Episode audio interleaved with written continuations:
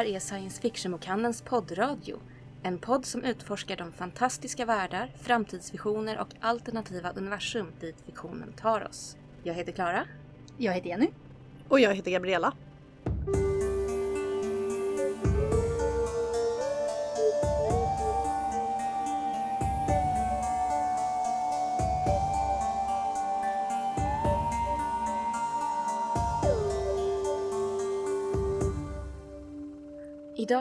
Ska jag och Gabby prata om några böcker som vi har läst från vår regnbågskampanj. Och jag tänkte prata lite om alver i fantastiken. Spännande. Ja.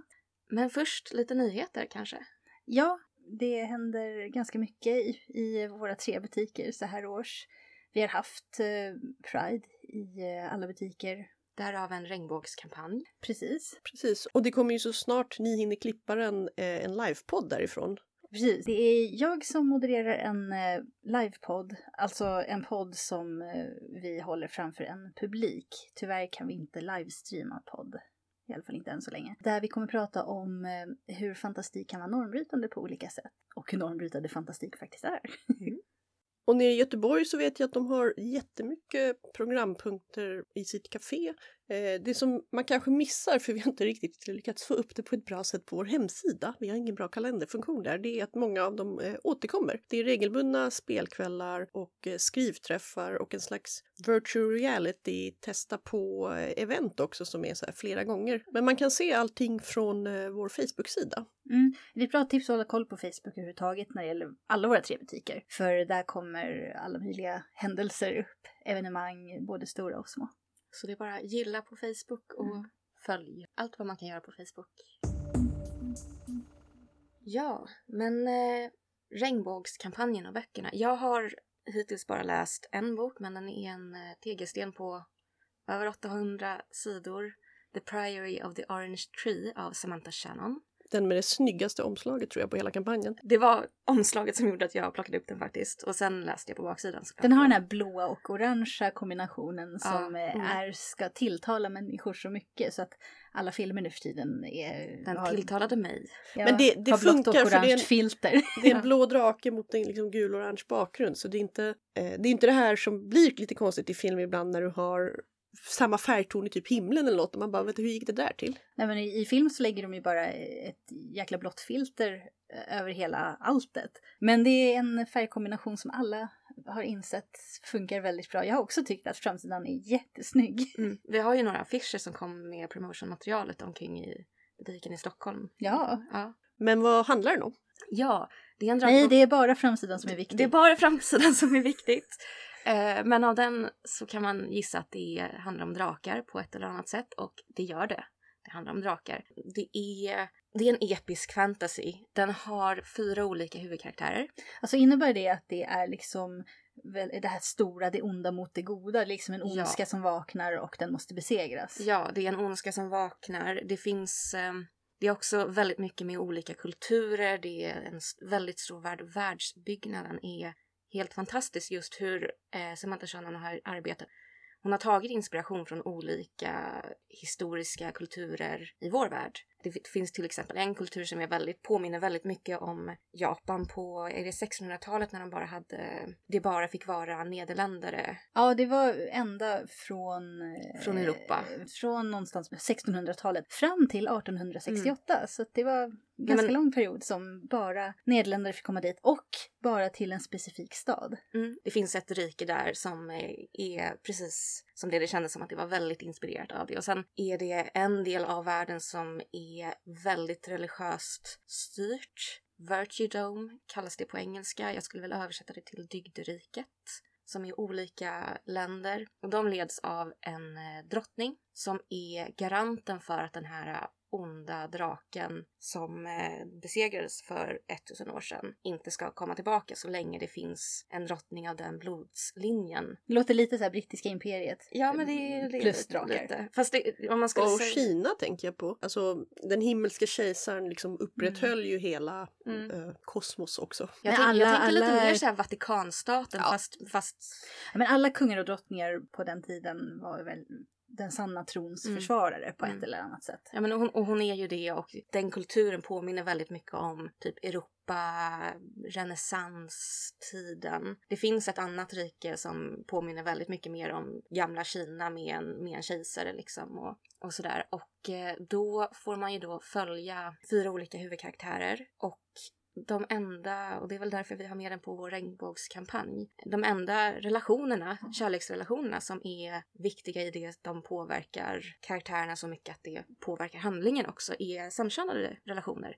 Och jag tyckte det var så väldigt fint gjort för det görs ingen grej av det. Mer än på det här, om man är kär i någon så klart att man kommer låta det påverka hur man agerar. Men det är, inte, det är, ingen, det är ingen grej att de är, det är ett samkönat par. Det enda som är i vägen, det är mer att det är olika klasser. Är man i, i dygdriket och är adlig, då ska man få barn som kan ta över och eh, Och det här låter ju mycket mer, tycker jag, som eh, om man tar eh, både Kina och Japan ja men före 1700-1800-talet så var det ju mycket så. Det var Mm. inte alls eh, särskilt illa sett med samkönade relationer, i alla fall mellan, nu vet jag mest om Japan. Mm. Och då var det ju till och med en buddhistisk präst som ansågs ha tagit med sig den här konsten hur man har sex med ynglingar som samurajklassen skulle utöva. Det var mycket manligt och ingick liksom i de här reglerna för hur man betedde sig. precis som de gamla grekerna. Ja, det fanns många likheter. Och i eh, Kina som jag vet mycket mindre om,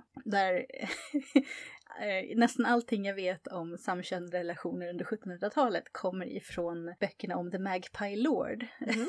som är en romantisk berättelse som utspelar sig i England under den perioden. Men Mm. ena huvudpersonen har tillbringat hela sin ungdom i Kina och byggt upp ett handelsimperium. Och han pratar om hur lätt det var att ta med sig en ung adelsman som bordssällskap på fina banketter och ingen tittade snett på honom för det. Utom de besökande utländska dignitärerna förstås, Ja. som tyckte att det var väldigt syndigt och fel förstås med samkönade relationer. Men eh, en benämning som man använde i, i eh, Kina på den tiden var den parfymerade ärmens kärlek. Oh, Ja. Det var eh, väldigt poetiskt. Ja, tydligen så kommer det ifrån, ursäkta den här parentesen men jag tycker det här är så fint. Eh, en eh, kejsare som hade en favorit, en man då, som han älskade så mycket så att eh, vid ett tillfälle då hade han, där hans favorit då somnat på hans långa fina ärm på hans eh, dräkt. Eh, väldigt, väldigt dyrbart siden och han ville inte störa sin älskling. Så då klippte han bort ärmen från sin dräkt helt enkelt för att låta sin älskade fortsätta sova. Det är ju jättegulligt. Det är jättefint. Men eh, ganska mycket som vi har på vår regnbågskampanj är ju lite så här, för vi, vi säljer ju främst fantastik och eh, det vi försöker göra är att plocka upp den fantastik som har representation, intressanta idéer och normbrytande mot den här heteronormen som är så vanlig ändå. Mm. Men vi vill ju inte bara fylla den med liksom, vad ska jag säga, om, man, om man ska ha berättelser som fokuserar på hbtq-begäret och, och könsroller så tenderar det att bli ganska eh, smal och rätt svår science fiction bara. Och Men, ibland rätt hemskt. Så att eh, det är därför vi ville hellre vara brett, både liksom serier och episk fantasy och eh, vad ska man kalla det, problemlitteratur. Men jag tycker Mm. att det börjar komma mer också. Mm. Som sagt, Ja, det är det som är så roligt. den här, den här är Orange ju Tree in, som... Ja. inte, jag skulle inte kalla den för en hbtq-bok, men det finns par eh, som faller in under det paraplyet. Mm. Snarare så är det en så här rafflande episk high fantasy där det är Mm. det goda mot det onda. Det finns två olika typer av drakar. De ena är snälla vattendrakar, de andra är onda elddrakar. Dygderiket tror att alla drakar är onda. Mm. Eh, de som är i de mer östinspirerade rikena, de tillber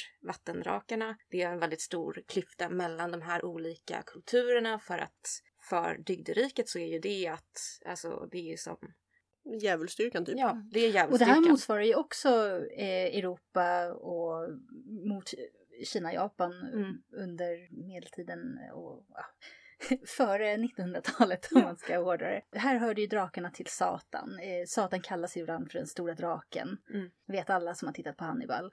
Och eh, i öst så representerade ju drakarna gudomlighet snarare. Mm. Förlåt att jag avbröt ditt resonemang. Men eh, du rekommenderar boken i alla fall? Jag rekommenderar boken starkt. Den är som sagt, det är en tegelsten, det är 800 sidor. Om man vill ha någonting som... är det första delen i en serie? Nej, eller? den är avslutad. Ah. Man, jag, jag läs, när jag läste den så tänkte jag att man skulle också kunna dela upp den på sig en trilogi med tre kortare böcker. Men samtidigt så var den väldigt bra sammanhållen och de olika delarna som skulle ha kunnat delas upp, de var, det, var inte, det var inte jämnt 250 sidor per Mm. del. Men eh, väldigt bra. Förutom drakar så finns det hovintriger, det finns eh, en typ av krigarnunneorder, det finns lönnmördare, det finns eh, unga adelsmän på kontinenttäckande vandringar och eh, pirater. Ja, om man vill läsa något så här lite tunnare i sommar så har jag läst eh, Amal El-Motar och Max Gladstones nya bok This is how you lose the time war. Den är inte med i regnbågskampanjen för den kom liksom ut så nyligen. Men däremot har vi en annan, inte riktigt 800 sidor, men en betydligt tjockare bok av Max Gladstone ensam. Men den, den var lite tjock och jag ville ha något lättare nu på sommaren. Jag har ju börjat på en av hans andra böcker som heter Three Parts Dead. Ja, jag har läst alla hans gamla böcker, de är jättebra och de innehåller representation hela bunten. Men den är inte heller så tjock. Eh, Mm. Jag har inte kommit så långt i den men den verkar jättebra. Mycket, mycket så här, eh, mycket handlar liksom om död och magi som används liksom genom, eh, vad ska man säga, nekromantik kanske. Ja, han skriver en slags corporate fantasy thrillers i den världen som Three Parts Dead ingår i. Mm. Men eh, This is how you lose the time war är väldigt annorlunda. Alltså jag läst lite Amal El-Motar också förut, eh, noveller. Hon har inte gett ut en egen roman än, men hon har skrivit ganska fina så här, sagoaktiga noveller. Det var ju en som vann... De var ju här och eh, besökte oss också, eh, två år sedan nu, Det var ju en som vann en Hugo, eller hur? det tror jag.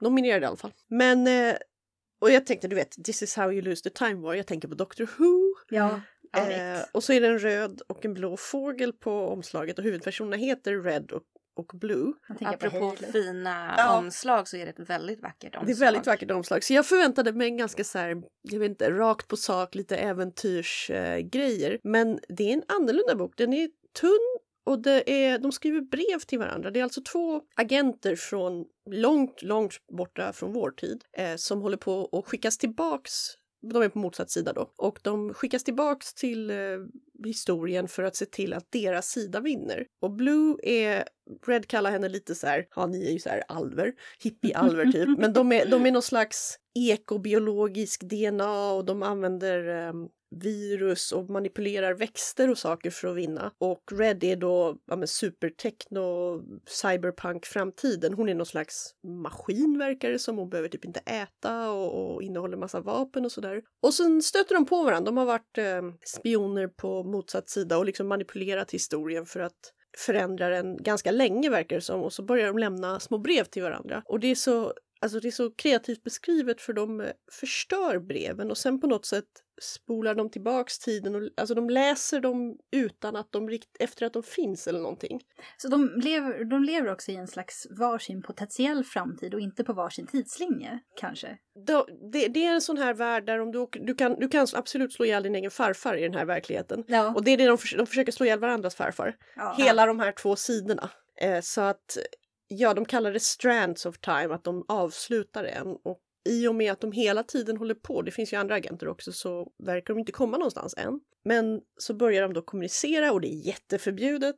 Och båda har kvinnliga pronomen. Sen är de ju knappt mänskliga vid det här laget, men det är en väldigt intressant spion och kärlekshistoria. Den är väldigt poetisk. Alltså det, det är inte en tung bok, men eh, de här breven och hur de lämnar meddelanden till varandra och beskrivningarna var jättefin. Så jag är mycket nöjd med den.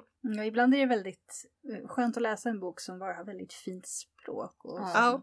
man bara vill försjunka i själva berättelsen för språkets egen skull. Mm. Och inte så tjock, så den är väldigt bra att ta med på diverse semestrar och sådär. Det, det låter väldigt intressant och, och apropå det här med normkritik som vi i inspelande stund ska göra en livepodd om. Så det här, jag tycker det är en så intressant fråga. När, när blir våran tids pronomen och kategoriseringar irrelevanta? Och eh, jag, det finns inte så många böcker som tar upp det eller som behandlar det ens. Mm. Eh, För det är ju svårt, det är Mm. Men jag tar vara på varje möjlighet att läsa någonting sånt. Och därför vill jag än en gång, vi har pratat om den förut, men rekommendera Cameron Hurleys The Light Brigade. Mm. Som eh, hon, hon skriver ofta i den riktningen. En framtid. Det här är också en, en dystopisk framtid som styrs av eh, jätteföretag med privata arméer som, eh, alltså ur, ur en politisk synvinkel så är, är hennes böcker också extremt bra. Mm. Eh, och trots sitt mörker, tycker jag, hoppfulla på många sätt. Men eh, där, där, har vi ju huvudpersoner som eh, har förhållanden som är helt avdramatiserade. Och idag kanske vi skulle säga att de var bisexuella eller pansexuella. Eh, men, men de sätter ingen eh, etikett på Nej, för det, för behövs typ. inte nej. i deras samhälle. Det är, så här, det, det, är inte en... Um, vem man har sex med är inte relevant för vem man är. Mm. Eller hur man nu ska uttrycka sig. Som sagt, det är väldigt svårt att prata om de här sakerna på grund av vilket samhälle vi lever i. Men får jag bara... Ja. Eh, en annan titel vi har, som jag inte har läst än, men som jag har gluttat på, som gör också en intressant spegling, för den är baserad på ett verkligt sammanhang tydligen, mm. är Lånat kön. En, ett franskt seriealbum då som är översatt till svenska av, kan du uttala namnet här Jenny, du som kan franska, på författaren? Uh, oj! Chloé, Chloé Cruchadet. Ja, Chloé Cruchadet. Ja, men eh, som utspelas under eh, första världskriget och 20-talet och handlar om en man som eh, gömmer sig. Han är desertör från franska armén så han klär ut sig till kvinna och bor med, en, ja, med sin partner och blir liksom hennes kvinnliga vän. Men sen blir han också någon slags dragshowstjärna och sen när kriget är över och när det ges ut amnesti så börjar han identifiera sig med den här könsrollen. Och, jag har inte hunnit läsa den själv så det här är bara från beskrivningen men just det här att hur, hur man såg på saker historiskt är ju också ett sätt att liksom tänka på det som, som kan ifrågasätta våra värderingar nu. För man tycker att sånt här är väl satt i sten, men bara att gå tillbaks till 20-talet blir en annorlunda situation. Och sen ju längre tillbaks man går till historien så blir det svårt att hitta källor, så där blir det ofta väldigt så här, ja det kanske är så här, eller inte, men då, då tycker jag också fiktion kan hjälpa att men om det vore så här, vad säger det oss? Jag tänker just historiskt sett, det är ju omkring 1800-talet som de här etiketterna sätts på samkönade förhållanden och sådär innan på medeltiden. Det var ju det var inte alltid som Nej, alltså, folk brydde sig på samma sätt. Även om det finns vissa ställen där det var fruktansvärda straff på. Men det här tycker jag är så intressant för hela begreppet sexualitet. Mm. Det är ju trots allt bara en modell. Mm. Och den eh, var det några psykiatriker som kom fram till på, i slutet på 1800-talet. Och vi använder den ju än idag men eh, kommer det alltid vara en bra beskrivning av mänskligt beteende? Och det har ju inte alltid varit en beskrivning av mänskligt beteende. Så det, de frågorna tycker jag är jätteintressanta. Man kan utforska dem väldigt bra i fiktion. Ja, om man vill utforska dem i eh, live faktiskt, i rollspel, så har eh, RFSL och Studiefrämjandet gett ut antologin Stolt, live-antologi, som har både scenarion och liksom så här förslag på hur du ska tänka normkritiskt när du sätter upp eh, spelevent. Och den är också till för att lyfta ja, den här dolda historien och känslor som ofta inte sker. För det, det är ju lätt hänt att man utgår eh, från sig själv när man skapar sådana där scenarion och eh, om det är tre straighta personer kanske så tänker man ibland inte ens på att vänta, det kan finnas andra röster. Så det är en eh, liten tunn handledningsbok. Vi säljer den fysiska boken. Man kan också faktiskt plocka ner den från deras hemsida om man vill titta på. Och eh, jag tycker den verkar, nej jag, bygger inte, jag skapar inte live, men det är en fin bok och den verkar ha en hel del ganska handfasta och bra råd har jag hört från våra rollspelare och lajvare här på bokhandeln. Då går vi vidare till Alver tycker jag. Alver. Alver. Jag funderade lite över det när jag läste Jen Leons um, Ruin of Kings. Mm. För hon har nämligen ett uh, vackert, magiskt, långlivat folk som finns på lite olika kontinenter och ser lite olika ut. Hon kallar dem Vané. Och jag tänkte ju genast, ja, ah, det här är den här världens form av alver. Och då tänkte jag, men, eh, men varför tänkte jag det egentligen? Mm. Varför tänker jag på dem som alver? Hon har ju ändå kallat dem för vané. Men vané, det påminner om vaner, alltså från... Alver är ju... Just det, just det. Baserade, Tolkiens alver är ju ändå baserade från... Han har ju hämtat från, fler, från flera ja. områden, men ett av dem är ju ja, de nordisk, den nordiska mytologins alver som mm. är lite svårgripbara eh, och som ofta nämns man, i, i de gamla källorna som finns, det är Snorre Sturlason och de här, som dessutom är nedtecknade några hundra år efter Av en kristen det begav sig. Ja, mm. precis. Men ändå han säger asar, asar, alver och vaner. Mm. Uh, och det är lite så här, är det tre olika? Är det liksom samma? Är det tre olika gudasläkten? Det fanns någonting som heter alvablot som man utförde. Uh, vi har uh, Frej som bodde i Alvheim och är ljusalvernas eh, konung. Ja, enligt några källor. Mm. Ja, och sen vad som är skillnad på ljusalver och mörkeralver i nordisk mytologi är mycket vagt. Ja, mörkalver ibland är, verkar vara dvärgar som bor under jorden eh, och tillverkar fina saker. Eh, men det är svårt att säga exakt för källorna är väldigt knapphändiga. Och i fantasy nu är det ganska stor skillnad mellan alver och dvärgar. Ja. Inte alltid. I spelserien Elder Scrolls, som boken till Elder Scrolls, det finns en roman, eh, var inte sådär jättekul, men den lore och alla liksom texter som finns i spelet som har samlats i diverse böcker, de är, de är bra. Och de har valt att kalla alla sina alver för mer. De är ett slags, alverna själva tänker att de är eh, ett före detta odödligt folk som blev lurade av sin världs djävul till att liksom få riktiga kroppar och bli dödliga. Och dvemer är då dvärgarna som är en försvunnen eller så mytologisk ras av underjordiska alver. Sen är det inte så många människor som fattar att det där var kanske samma folk för de är väldigt eh, steampunkiga. Ja, och i... Eh, det finns någonting som hette Drauger eller någonting liknande Mm. också som verkar vara också kanske en version av mörkalver och då som har använts i böckerna om Dritst. Då är det den.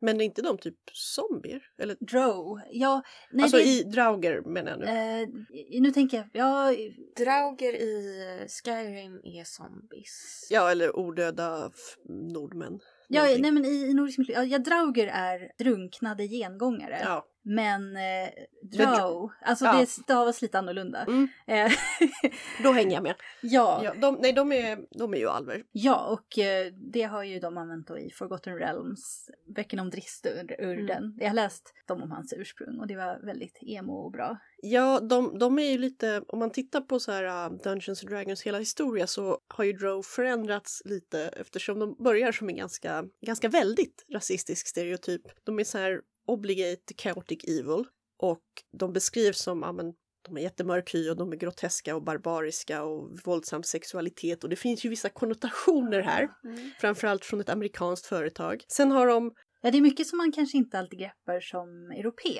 Eh, De- när, de också- när det gäller amerikanska stereotyper. Men eh, framförallt så är de nya versionerna ganska så annorlunda. Ja, det här är ju då originalutgåvan och de ändrade det ganska fort. Det uppdateras mycket och eh, som sagt eh, författaren som har skrivit böckerna om Dritst, Salvatore.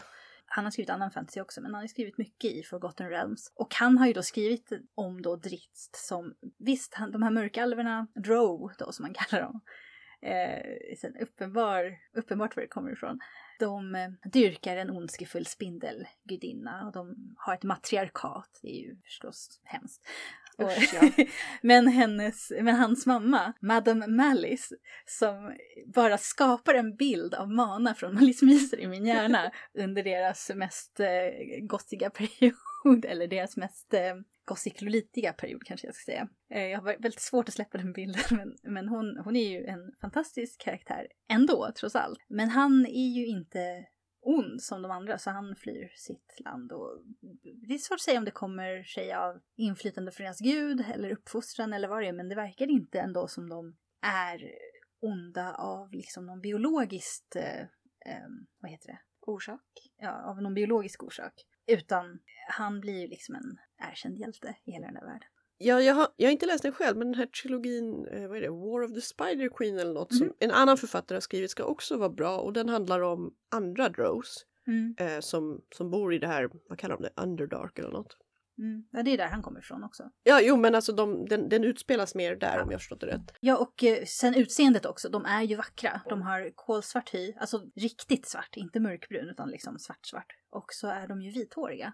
Ja. Och det här är någonting som dyker upp i olika källor lite här, här och var. Att de mörkalver ska ha väldigt mörk hud men väldigt vitt hår. Jag har inte riktigt kunnat hitta var det kommer ifrån från början. Men det är intressant att kolla upp. Ja, det är ju också, man får inte glömma det inflytandet från hela den här irländska, brittiska öarnas mytologi med de Ja. Ansili och Sili courtsen. Ja, det är och, där hela den här biten med hoven kommer Ja. ifrån, tror jag. Eller eh, med eh, alla de här hierarkierna och drottningar och kungar och sådär. För det kommer ju inte så mycket ifrån den nordiska delen. Framförallt inte från folktrodelen. Nej, och sen har vi ju eh, Shakespeares eh, En midsommarnattsdröm som förmodligen har lämnat sina avtryck och han hämtade från den liksom mytvärld som fanns omkring honom då. Ja, Eh, Robin Goodfellow, Puck är ju liksom, det är inte Mm. hans uppfinning även om det är han som gjorde honom populär. mm. ja och, eh, men om man tar modern fantasy så är ju Tolkien det avgjort stora inflytandet. Allt går och, tillbaks till tolken. och då menar jag alltså anglosaxisk fantasy. Mm. Alltså så fantasy inom den engelskspråkiga världen, vilket är den fantasy i stort sett som vi läser. Eh, och det, ser annorlunda ut i andra delar av världen, absolut. Men det är lite som översatts till engelska eller svenska och eh, det är väldigt lite som läses här och nu. Det är också mycket, till exempel Marcus Heitz har ju skrivit en, en serie om först dvärgar och sen om alver och han har ju uppenbarligen också läst Tolkien. Han är Ja. tysk och skrev på tyska först men det är liksom, han är en fantasyläsare, han är skolad i den typen av fantasy. Har Ja. han skrivit vampyrer också? Kan hända. Och det märker man även i, i Japan som har väldigt annorlunda fantasy-tradition för de hämt- hämtar ju väldigt mycket från sin, sin egen mytologi. Och deras fantasy är ofta, jäms med de fantasy-elementen så är den ofta högteknologisk. Mm. Vilket jag tycker är intressant. Det finns också en del som är ja, men mer 1700-tal och så. Men eh, mycket som har avancerad teknologi, eh, ibland kombinerad med eh, slags bioteknik, men eh, tillsammans med sin magi då. Men det finns ju också, ja, vad, vad jag skulle vilja säga då är anglosaxisk inspirerad fantasy som eh, Slayers, eh, Record of Lodoss War Ja, och så vidare. gammal klassiker som så här, fick en, eh, boken kom ut på engelska nyligen, jag var, eh, ja nyligen, no, no, några Mm. år sedan. Det var lite såhär bara, Record of Blood War på engelska, jaha ja. Jag kommer ihåg när den animen var het på eh, 90-talet. Ja, och gud vilka öron de har i den. De har väldigt långa öron. De har väldigt långa öron den al- alverna. Ja. Men eh, det där med högteknologiska alver, det är ju lite lustigt för alltså, Tolkien gillade inte teknologiska framsteg så jättemycket. Han var, han var lite bränd av det. Ja, Men jo, i Silmarillion så har han ju några alver som är, alltså de, är, de skapar förvånansvärt eh, högteknologiska saker. Feanor, den store smeden, och det är ju verkligen det, att han är en smed, han liksom gör det inte med en trollformel eller något. Ehm, och han är ju väldigt baserad på eh, Ilmarinen från Kalevala Mm. Som vad jag, jag har inte jättekoll på Kalevala men ingenting av det jag har läst eller sett av den innehåller ju alver egentligen utan Ilmarinen är bara en sån här typ gudomligt, mm, gudomlig människa eller vad man ska säga. De är ju lite supermänniskor flera av dem utom de som är rent ut sagt gudar. Ja, det är ju verkligen ett epos som jag har tänkt läsa i många år och det har inte blivit av. Men jag måste verkligen göra det.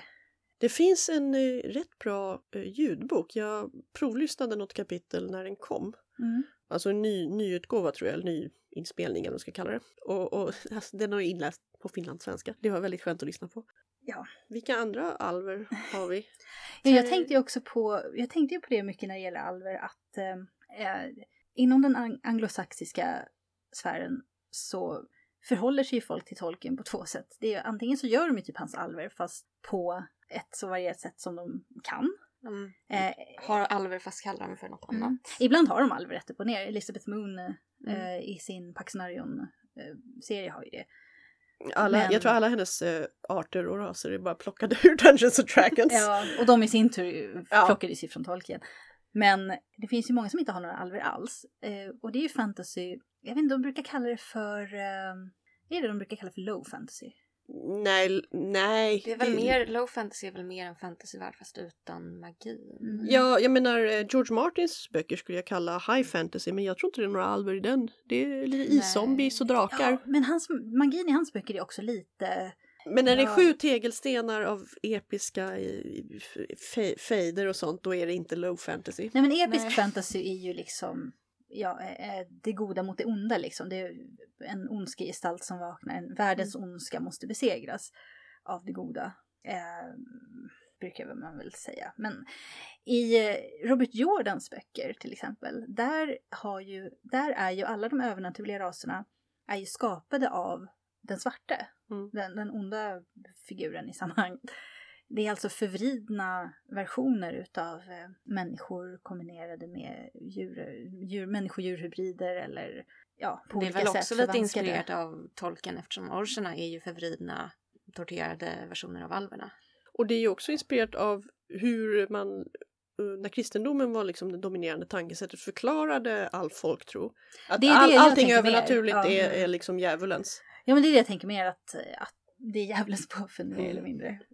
Väldigt kristet förankrat. Eh, Men... eh, Men till exempel eh, David där- Eddings så här, jätteklassisk, klyschig nästan, eh, god mot ond fantasy. Mm, Inga alver i den. Det är väl bara människor där. det är gudar och människor. Gudar, Gudar och människor människor, och ja. lite konstigt ormfolk. Magiker Just det. Finns det. Som, men de är nästan, de lever ju otroligt länge.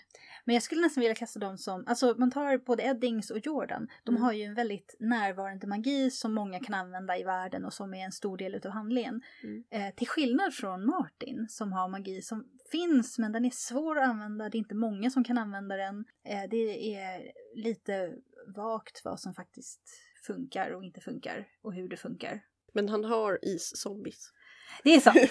och, och liksom drakar. Så det, det är ju det är på något sätt mag magi finns i världen. Ja. också och det här när de kan gå in i eh, Mm. djurkroppar och... Precis, så det, det är lite så här, hur många steg bort ifrån tolken har man tagit? Mm. Mer eller mindre. Men några väldigt klassiska alver med ett annat namn Ja, hittar man ju i Guy Gabriel Case Tigana. Lios Mm. Alfar kallar han dem. ja just det. Kommer inte ihåg om det finns några mörkeralver i Jo, den också. det gör ja, det gör det. det va? Jag läste den här, ja, vad heter den på svenska, Fiona Varas vävnad. Ja, det, det är i, i den. Ja, Sa jag fel? Jag vet ju inte vad de heter på engelska. Nej, det var en de- trilogi. Nej, de heter. Lios Alfar på engelska. Ja, Och det, men det, det jag tänkte säga, det är nog den enda boken av honom jag läst där det är några alver. Mm. Överhuvudtaget har han ju mindre och mindre magi ju mer han skriver. men det är ju så ljusalver stavas i Mm. fornnordiskan. Hur då? Liosalfar. Ljusalfa. Ja, man ska uttala det ljusalver. Mm. Eh, Men stavningen ser ut som det gör i hans böcker. Och så, jag läser den på svenska så ibland, då blir man lite ibland så här, mm, har de ändrat något eller har de inte ändrat något? Det är jag lite så osäker. Ja, han eh, hjälpte ju Christopher Tolkien att sammanställa diverse Tolkieneskt material. Så Fiona Var just är så här extremt Tolkien-inspirerad. Och sen har vi vad heter han? Terry Brooks med Shannara-serien Shannara Just det. böckerna. som, som är typ Tolkien the Grimdark. Ja, Mm.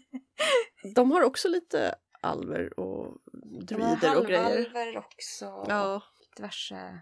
Eh, någonting som jag har tänkt på det är ju att en del försöker variera sig genom att göra sina alver dödliga. Mm. De är inte odödliga längre. Är de fortfarande alver då? Ja, bra de fråga. lever ju länge ofta. Ja, Eh, Catherine Kerr har såna alver. Just det. Eh, och de, de är ju något så här, de, deras liksom sköna stad har fallit. Catherine Kerr just undrar jag, för hon, hon gillar ju keltisk mytologi, okej. Men sen också, har hon läst Elfquest? ah, för jag får lite ja. vibbar där. Hennes Ja. alver bor, de bor ju för sig i öknen men de är liksom ganska, människorna tycker att de är lite så här nästan barbariska och vilda och, Mm. och så. det. Och alverfolket då som det heter på svenska, de första alverna vi möter där, vargryttarna är ungefär samma förhållande. Eh, Men de är inte skyddade av en stor öken på det sättet så de är mycket mer utsatta. Där har vi också en, en annan form av alver som kommer från yttre rymden. Ja, alltså alverfolket, när man försöker så sammanfatta Ja. deras bakgrund så blir det helt knäppt. Men det, det, det är fortfarande väldigt bra de första serierna. Ja, de första åtta albumen i alla fall. Mm, ja men upp till, till den här, till de sätter ihop palatset ungefär. Ja. Sen det eh, när det börjar komma in andra tecknare då, då vart det inte så bra längre. Nej. Eh, men det, det är vargryttare och sen är solfolket och sen finns det de här uh, fågelalverna som har stängt in sig i sitt berg, jag kommer inte ihåg vad de heter. Och en jätte, jättebra skurk, alltså Winnowill är en Ja, hon är helt Fantastisk. fantastisk. eh, Och hon är så, alltså hur hon är for, utformad hur, grafiskt är ju helt underbart tycker jag. Hon, Wendy Pini hämtade ju jättemycket inspiration ifrån manga när hon Mm. utvecklade sin stil och det ser man. Eh, Men hon har en väldigt originell stil ändå. Hon har hämtat inspiration från många olika håll. Hon har ju, eh, jag tycker att man ser väldigt mycket inflytande ifrån um, Yoshitaka Amano också i vissa av hennes teckningar, framförallt i det äldre. Men hon har verkligen en dramatisk stil som funkar så otroligt bra och gör så starkt intryck på en när man har tecknat vissa av sina karaktärer. Och, alltså, och som verkligen, verkligen är bra för att teckna alver för de blir det här Mm, ja. överjordiskt sköna. Mm. Det Ja. tycker jag de misslyckas med i Sagan om ringen-filmerna. Ja. Alltså, De måste ju ändå spelas av människor. Ja men då får man väl lägga på något CGI gausiskt blurfilter som de gjorde med gamla filmskådisar på så här 40-talet. Bara kolla den här kvinnan är vacker och så, så här vaselin på Ja. Så li- lite som när Galadriel kommer in första gången Frodo ser henne. Då Ja. har hon ju det och så ska man ha det hela filmen. Jag tror att det skulle vara lite svårt varje gång Kanske kameran kommer över till Men jag tror att- Legolas. Alltså de lyckades ju de lyckades med Arwen Galadriel och eh, Thranduil i Hobbit-filmen men Elrond, kom igen. Jag Ja. vet att han är halvalv men ändå. Men det är inte det grejen som är, han är halvalv. Welcome to Rivendell Mr Anderson. Ja. ja men visst det är det man tänker på. Så man ser honom. Och, men eh, någonting som jag har tänkt på det är ju ändå att eh, inom eh, den eh, engelskspråkiga fantasyn så väldigt många som vill ha alver med i sina världar. Mm. Och jag kan förstå det, för varje gång jag läser fantasy med alver i så tycker jag om det väldigt mycket. Och det, det är ju just det här mystiska, magiska, långlivade folket som är otroligt vackra. Men ja, det är ju ändå rätt uppenbart varför de är tilltalande. Men eh, varför vill man egentligen ha alver med? Och nu kommer jag inte ihåg citatet men eh, Terry Pratchett i Lords and Ladies va? Där han pratar om där, där Granny Weatherwax möter, det är feer då eller? Det är mer, ty tycker jag, Fairies. Rätt, ja, men mer rätt upp och ner den irländska typen. Mm. Eh, Men han pratar ju om hur det, hur det finns ett, ett liksom fairy-format hål i mänskligheten. Så att det, så här, vi, vi vill ha det vackra och det sköna och det ouppnåeliga. Och sen går han igenom så här, folk de kallas enchanting, de, de kastar förtrollningar, de kallas sköna, de, de förskönar mm. och massa sånt här. Och så han, ingen har någonsin sagt att fairies är goda, de är inte goda. Men han fortsätter ju också med att säga, jag kommer inte riktigt ihåg på, vad det var på engelska, på svenska säger de, de är bedårande, de gör folk till dårar. Jo, det är en hel lista men jag Ja. kommer inte ihåg utan till. Jag, jag tycker det, var, det är väldigt bra gjort. Han är ju, alltså, eh, översätter man Terry Pratchett så bör man vara väldigt, väldigt bra på svenska. För att han är så bra med det engelska språket, just att leka med språket. Och det är det inte alla författare som är. Men framför allt så är det inte alla översättare som är det. Och Det är också alltså, svårt för det är så förbundet i, i olika delar av liksom Storbritanniens mytologi och, Ja. och hans språk eh, och hans eh, värld, alltså skivvärlden. Det var alldeles nyligen jag lärde mig att tydligen så när han skapade sina dvärgar, den här ryss-rysson och alla dem, de är ju eh, welshiska i liksom Ja, han kommer ju, han kommer ju själv från Wales. Ja, men det missar man för att man inte har den kontexten och hur ska man då översätta det dessutom? Ja, det, det är svårt. Man behöver inte översätta allt. Och, eh, och naturligtvis, alltså i svensk folktro som inte har så jättemycket att göra med liksom, den nordiska mytologins alver Mm. så har vi ju de här mer älvorna som skjuter folk med älvabläster och gör folk sjuka och lockar dem iväg. Och det här Och sen det känns det beror ju också sådär, vissa varelser som man kan räkna till alver och sådär Näcken, Skogsfrun. Mm. Eller så är de sin egen. Och vittrorna skulle man ju kunna Ja, alltså alvisera folktro- om man ville i fantasy. Absolut. Folktro är så himla stort så man kan hämta hur mycket som helst. Eh, vilket gör att jag tycker att det är lite, alltså om man tänker på vad vi i Sverige brukade, vi har pratat om det förut, vad vi i Sverige brukar kalla för troll, så var ju det en hel uppsjö olika Mm. varelser. Varav vissa var fula som stryk och vissa var överjordiskt vackra. Och troll kan ju då vara alver. Ja, till Som- exempel. Alltså liknande. Liknande då, det en alvertyp. Men eh, eh, och jag, jag tycker att det finns en hel del fantasy som ändå har försökt sig på det här. Mm. Men i grund och botten är ju frågan, om man, om man gör en, en varelse som är långlivad, överjordiskt vacker och magisk, kan det vara någonting annat än en alv? Det, det är för mig, det kan, det kan vara en ängel. Alltså om man, om man lutar sig starkt mot den kristna mytologin. För Men de, då blir det ju religiöst dock. Ja, fast det spelar ingen roll. Kan, allt det här har ju nästan varit religion en gång i tiden. Man Ja. kan ju plocka, om något så tycker jag det är ganska tråkigt att eh, man är så feg med det. Eh, men hela bibeln och alla de här apokryferna är ju full av riktigt konstig mytologi. Men, Men de jag, flesta... tänk, jag tänker så här, de, de, om man går till änglar i Bibeln, så här, de är ju det är inte de här keruberna som, som är små och gulliga. Så här. Det är ju fruktansvärda varelser med tusen ögon. Och, Ja, vissa och av dem. Det, det är ju del. väldigt eh, vaga beskrivningar. Men, men i alla fall så är man ju i allmänhet framförallt från amerikanskt håll extremt försiktig. Om Gud är med så är det något så här blurrigt ljus som är starkast av alla. Det, Men samtidigt så har de ju låst sig till den kristna mytologins värld. Mm. Det märker man ju ofta om, om de eh, stöter på andra religioner så är de underordnade. mm. Och det är det som jag tycker kan vara lite begränsande med om man Mm. använder en viss religion. Då, Ja. Ja. Jo men då, då får man ju på något sätt världsbygga kring den. Nu när vi är inne på kristendom så förra gången jag var här så pratade vi om Good Omens. Jättebra serie. Otroligt bra serie. Ja, jag har sett den alldeles för många gånger. Men eh, de världsbygger ju med. där Ja. och de, de, har ju, de har ju inte varit så jätte så här, försiktiga. Eh, Gud dyker inte upp själv men, men änglarna gör det. Och gud vilka skitstövlar de är. Ja. Eh, Oh, ja. Men hon, Gud är ju med, hon, hon är ju med som en berättarröst. ja, och inte en så himla trevlig Nej, tycker jag. nej. Nej. Men eh, i alla fall, det, det är när man blandar flera mytologier och försöker göra den här stoppa in allting, då, då kan det bli lite konstigt. Vad heter han?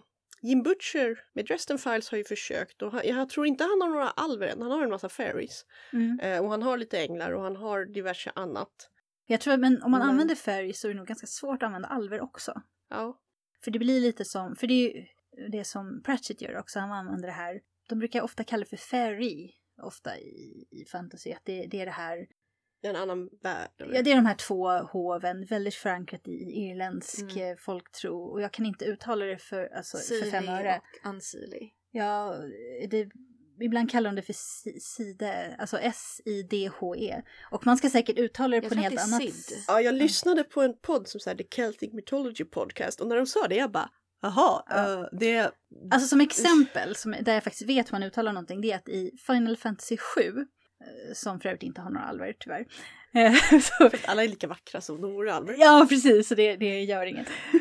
Där finns det en figur som heter, det stavas, ser ut som det ska uttalas Kate Sitt. Uttalas Kitchi. Ja, Ja. det var ungefär Så samma. att eh, jag är så här, mm, jag försöker mig inte på irländska. Jag ska ju till Irland nu på Worldcon så jag Lycka tänker till. gå på några mytologiska paneler och lyssna på ir- irländare som Ja, pratar bra. om alver. Fråga någon och återkom. Ja, jag kanske bara håller upp en mikrofon så kan vi klippa in det. Mm. Sen kan ju någon skriva in och säga så här uttalas det ju faktiskt. Men, Men- jag skulle vilja säga då att eh, nej, jag bara tänkte säga att det, det, det du sa, förutom kristendom så kan man ju också plocka från andra världsreligioner. Det finns ju ja, men, halvgudar från grekisk mytologi och gudomar och så här gudafolk ur indisk mytologi. Men då blir det ju verkligen att då måste man gå in i en specifik mytologi som har sköna odödliga varelser. För att Det- inte, för standard odödlig snyggingen i standard fantasy, det blir på något sätt mm. en alv. Eller möjligen en vampyr. Kan vara en vampyr också. Det beror på om den går ut på dagen eller natten. Ja. Det är ju så med, med den moderna engelskspråkiga fantasyn att den är ju väldigt förankrad i Tolkien och ganska så mycket i kristendomen, den kristna världen. För att det mesta skrivs i USA. Mm. Det är ju så otroligt stor procent, om man börjar titta på det så är det mest amerikaner som skriver den här typen av fantasy, även om det verkar utspela sig i ett slags eh, pseudo-medeltida Europa. Man skulle ju kunna utforska andra världsdelars religion och mytologi och skapa ett eget folk. Men jag tror att har man vuxit upp och läst engelskspråkig fantasy så blir det automatiskt så att ser man en vacker, långlivad, magisk varelse som har de här attributen som vi pratade om så läser man den som en alv, lite Mm. oavsett vad författaren har tänkt sig. Ja, det blir lite, det blir lite krystat också om man... Vissa författare anstränger sig ju verkligen, men eh, man, vi som läsare är så här, men det är ju alver, varför kallar du dem murples? Ja. När jag läste Kim Harrisons Dead Witch Walking så eh, förstår inte huvudpersonen att en snygg magisk rik man i något stort mystisk herrgård med så här du vet följeslagare som också är väldigt vackra och ganska snorkiga och dessutom har någon konstig häst en alv och jag, Det där eller låter fairy. Också, det där Ja, låter också som en vampyr. Ja men han är ute på dagen. Okej. Och hon blir rumskompis med en vampyr så, så hon Fast vet ju att det jag övernaturliga finns. Att vampyrer kan vara ute på dagen beroende på vilken vampyr man pratar om. Till exempel Dracula, den Ja. mest kända vampyren av dem alla. Men, men det är ändå, hon, hon, hon, i hon känner till en massa andra vampyrer men hon utgår från att alverna är borta ur den här världen och Mm. därför liksom tänker hon aldrig ens tanken, hmm, jag undrar om det där är en elvaprins. Medan jag 25 sidor in i efter att vi mötte honom bara, men han är en elfprins, hallå! Så jag tycker ju att eh, det kan funka att ge sitt, sina alver ett annat namn. Men då måste man ha en väldigt stark världsbyggnad i övrigt. Då måste de ha sin eh, historia. Deras namn måste vara härlett från någonting som känns... Eh, så att det känns befogat att de heter det de heter. Mm. Så det är svår balansgång och det är inte alltid så lätt att säga varför någonting funkar. Man kan också göra som Tanja Huff, hon skriver ju science fiction och i sin um, Valor-serie, ganska rolig militär-SF, så det finns utomjordingar som är typ regnbågsfärgade och som människor jättegärna vill ha sex med på grund av diverse feromoner och det, de tycker de är så himla snygga. Och så fort människorna såg dem, de bara "Ah, det är rymdalver! och det här, de heter ju något helt annat och de är inte alls alver men de sa så här, ja men rymdalver, det låter fint, vi, kall- vi går med på det, ni får kalla oss det. Ja, men rymdvarelser, Ja, varför ja. inte? Regnbågsalver. Ja, de är typ pastellhår och otroligt snygga och attraktiva till alla och dessutom gillar de att hoppa i säng med allt och alla tills de blir, jag vet inte, tusen år gamla och då så här ändrar de form och blir helt annorlunda och det är de som bestämmer allt. Det, här, det är också någonting som jag saknar lite när det gäller alver. Eh, Det är det här fokuset på hur omänskliga de faktiskt är. Lever man i flera Mm. tusen år? För det första måste man ju ha en, en hjärna som funkar så att man inte blir liksom senildement Mm. efter. Det, det här är ju en sak liksom att en del författare verkar liksom antingen behandlar de alverna som för mänskliga eller så blir de för omänskliga. Det är liksom, Det är de är statiska. Men eh, då kanske vi ska avsluta pratet om alver med det. Ja, vi får återgå till hela, alltså hela det här med odödliga som, lever, som inte uppför sig som odödliga är ju en, ett, en podd för sig. Ja, vi får ta upp det en Ja. annan gång helt enkelt. Det var allt för den här gången och då ses vi igen om eh, två veckor. Om ni har några frågor eller synpunkter så kan ni mejla på podd.sfbok.se, podd med 2D. Eh, Gå in på vårt Instagram, på vår Facebook eller vår Twitter som alla finns länkade på vår hemsida sfbok.se. Hej då! Hej då! Hej då!